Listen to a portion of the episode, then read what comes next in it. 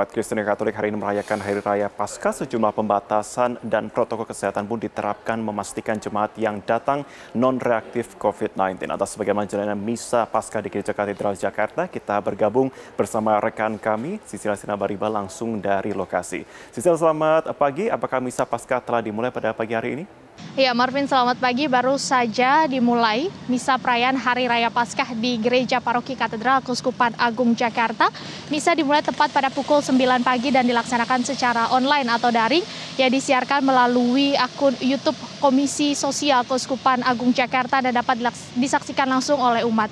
Perayaan Hari Raya Paskah pada hari Minggu ini menjadi penutup dari liturgi Pekan Suci yang telah dimulai pada hari Minggu pekan lalu yang diawali oleh Minggu Palma, kemudian dilanjutkan Kamis Putih, Jumat Agung, Tuguran dan juga Malam Paskah sehingga pada hari ini akan ditutup Pekan Suci tersebut dengan perayaan Hari Raya Paskah.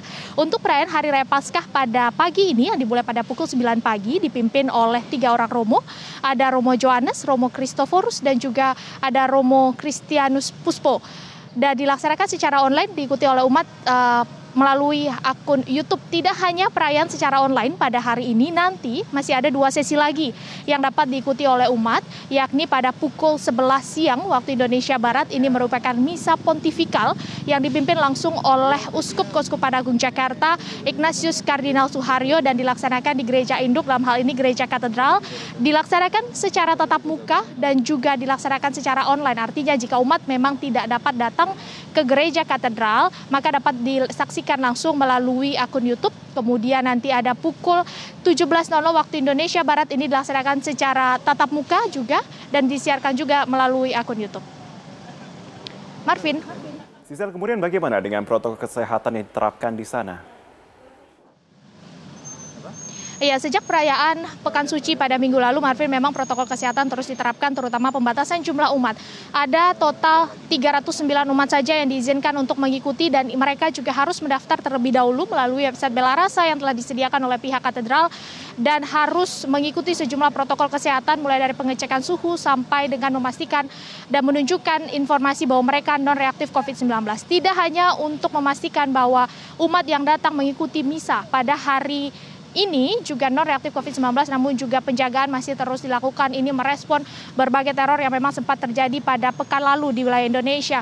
Total ada 150 personil yang telah disiapkan dan telah berjaga selama sepekan ini di wilayah katedral terutama di enam titik pengamanan yang telah disiapkan dan nanti umat yang hendak mengikuti misa tatap muka di gereja katedral pada pukul 11 dan juga pada pukul 17 hanya diizinkan melalui satu pintu yakni di pintu atau di gedung 4 yang ada di belakang kami ini. Ini hanya pintu masuk dan juga pintu keluar sehingga hanya ada satu pintu yang dapat diakses oleh umat yang hendak melaksanakan misa pada hari ini. Tidak hanya itu misa yang umat yang akan datang juga wajib untuk melewati mesin X-ray. Nanti akan diperiksa juga barang-barang apa saja yang dilaksanakan atau yang dibawa. Kemarin Kapolri juga meninjau langsung pelaksanaan ibadah malam Paskah dan memastikan bahwa perayaan Paskah di seluruh gereja di Indonesia tidak hanya gereja Katolik yang ada di wilayah Jakarta, namun juga gereja Kristen di seluruh Indonesia juga dipastikan penjagaannya aman dan umat Kristen serta umat Katolik diminta untuk tidak perlu khawatir. Ibadah Paskah diselenggarakan di Gereja Katedral Hati Kudus Yesus Surabaya, Jawa Timur. Ibadah ini menerapkan protokol kesehatan yang ketat dan untuk informasi selengkapnya kita bergabung bersama rekan Reno Nexa langsung dari lokasi. Reno selamat siang, bagaimana proses berjalan ibadah Paskah di Gereja Katedral Hati Kudus Yesus Surabaya tadi pagi? Marvin dan pemirsa, sebagaimana yang kami pantau tadi misa Paskah yang berlangsung di Gereja Katedral Hati Kudus Yesus Surabaya Jawa Timur berlangsung aman dan lancar. Bahkan lebih daripada itu, Marvin, misa Paskah di Gereja Katedral HKY ini juga berlangsung dengan menerapkan protokol kesehatan yang sangat ketat para jemaat yang tiba di gereja terlebih dulu akan diperiksa suhu tubuhnya kemudian diwajibkan untuk mencuci tangan, di mana tadi kami pantau di akses masuk disediakan sebanyak enam tempat cuci tangan. Kemudian barulah para jemaat ini akan melewati bilik disinfektan dan kemudian barulah mereka bisa diizinkan untuk masuk ke dalam gereja. Itu tadi uh, protokol kesehatan yang kami pantau di Gereja Katedral Hati Kudus Yesus.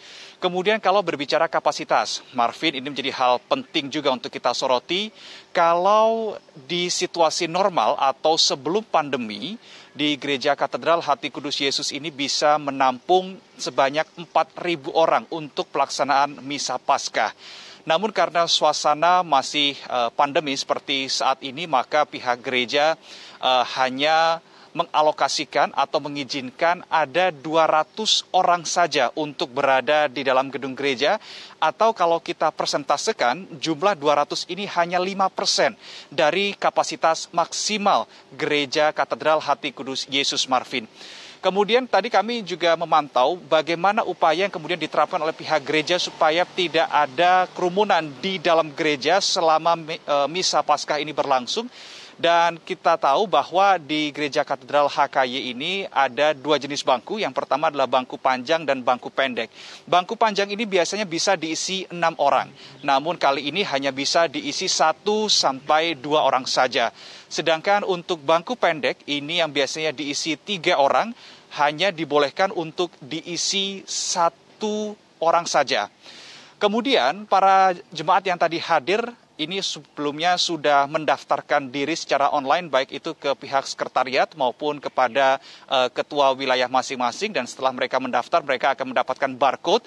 Dan barcode ini Marvin fungsinya untuk ditujukan kepada petugas pagi tadi untuk kemudian ditukarkan dengan uh, kartu yang menunjukkan nomor kursi. Tempat mereka akan duduk selama misa Paskah berlangsung.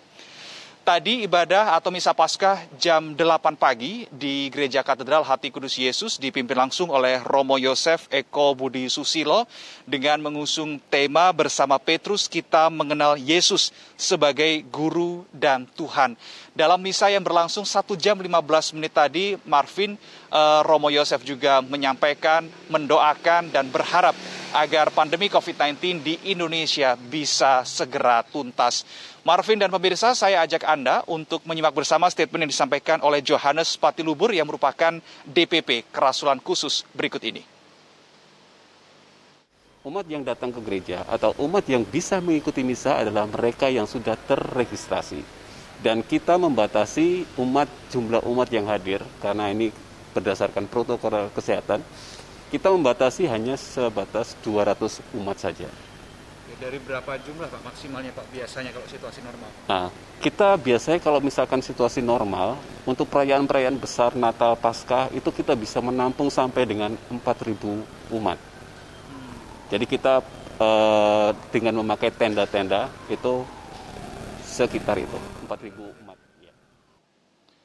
Marvin Misa Paskah di Gereja Katedral Hati Kudus Yesus hari ini diadakan sebanyak dua kali, yaitu di pagi hari tadi pada pukul 8 dan sore nanti pada pukul 17.00 waktu Indonesia Barat.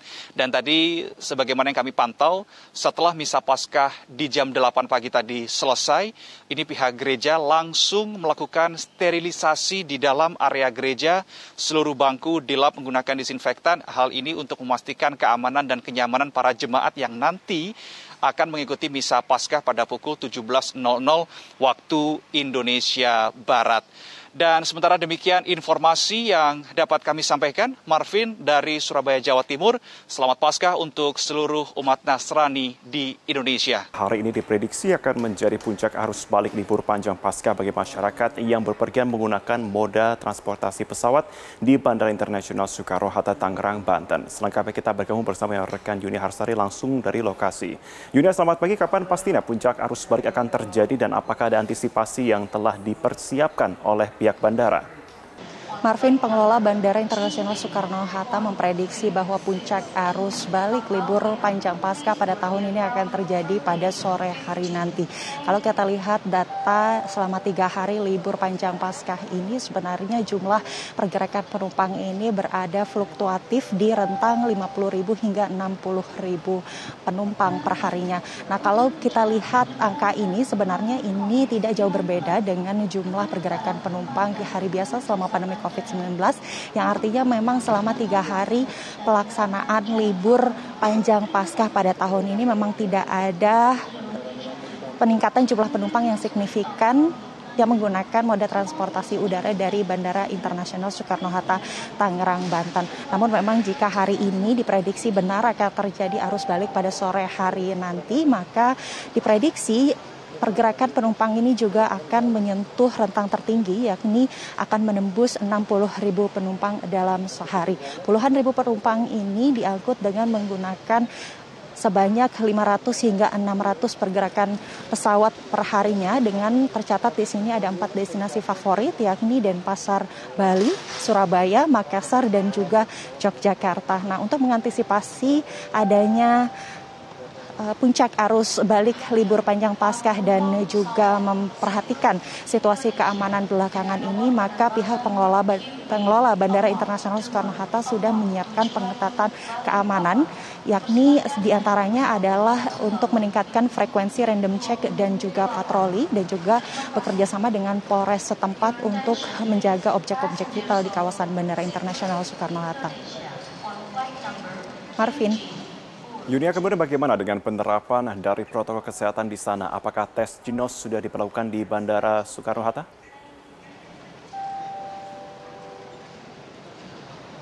Berdasarkan pengamatan kami di sini, setiap calon penumpang dan juga penumpang yang baru tiba di Jakarta melalui Bandara Internasional Soekarno-Hatta telah melaksanakan protokol kesehatan dengan baik, seperti di antaranya selalu menggunakan masker dan juga menjaga jarak meskipun mengantri di counter check-in. Namun, antrian ini tidak terlalu terlihat panjang di jalur uh, validasi dari tes COVID-19 baik menggunakan rapid test antigen ataupun real time PCR. Berdasarkan surat edaran dari Satgas nomor 12 tahun 2021 memang selain dari rapid test antigen dan juga real time PCR, masyarakat juga nantinya akan difasilitasi dengan tes genus COVID-19. Namun untuk Bandara Internasional Soekarno-Hatta hingga saat ini belum menggunakan genus C9 COVID-19 untuk para penumpang karena memang masih akan melihat seperti apa evaluasi dari penggunaan Gino C19 ini di sejumlah bandara yang sudah menggunakannya terlebih dahulu seperti di Bandara Bandung dan juga Palembang. Jika nantinya sudah ada hasil evaluasi seperti apa kemudian penggunaan Gino C19 ini maka pihak pengelola Bandara Internasional Soekarno-Hatta bisa nantinya mengkaji lebih lanjut apakah cocok dan akan diterapkan di Bandara Internasional Soekarno-Hatta.